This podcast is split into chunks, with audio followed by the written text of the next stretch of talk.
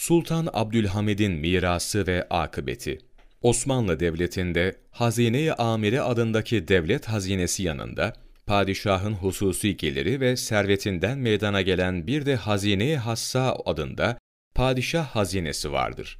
Sarayın masrafları, padişahın yakın çevresinin maaşları, ecnebi hükümdara giden hediyeler, Mekke ve Medine'ye gönderilen hediyeler, rejim aleyhinde çalıştığı için sürgüne gönderilenlerin maaşları hep hazine-i hassadan karşılanır. Paranın zamanın en büyük gücü olduğunu bilen Sultan Hamid, iktisatlı ve rasyonel tasarruflarıyla bu hazineyi büyütmüş ve zenginleştirmiş, adeta bir holdinge dönüştürmüştü.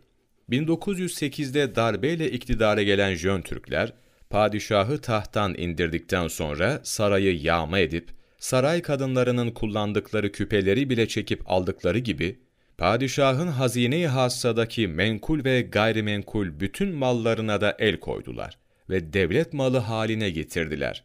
Çaldıkları mücevherleri de Avrupa'da sattılar. Birinci Cihan Harbi'nde elden çıkan Osmanlı topraklarında işgalciler, milletler arası teamüllere uyarak hususi mülklere dokunmadılar. Ama 1909'da Jön Türkler tarafından devletleştirildiği için hanedana ait gayrimenkullere el koydular.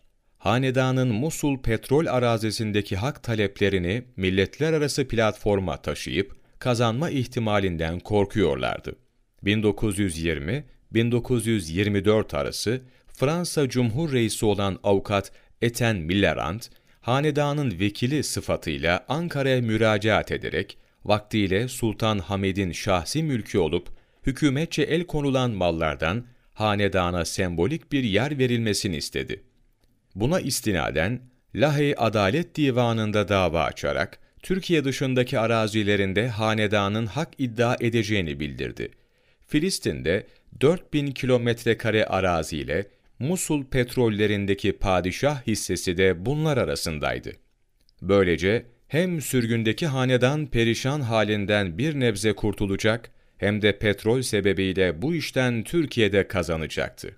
Zira hanedan, petrollerdeki hisselerin çoğunu Türk hükümetine devretmeyi vaat ediyordu. Ancak hanedanın zenginleşmesini asla istemeyen Ankara, talebi derhal reddetti. ekrembuğraekinci.com 31 Ekim Mevlana takvimi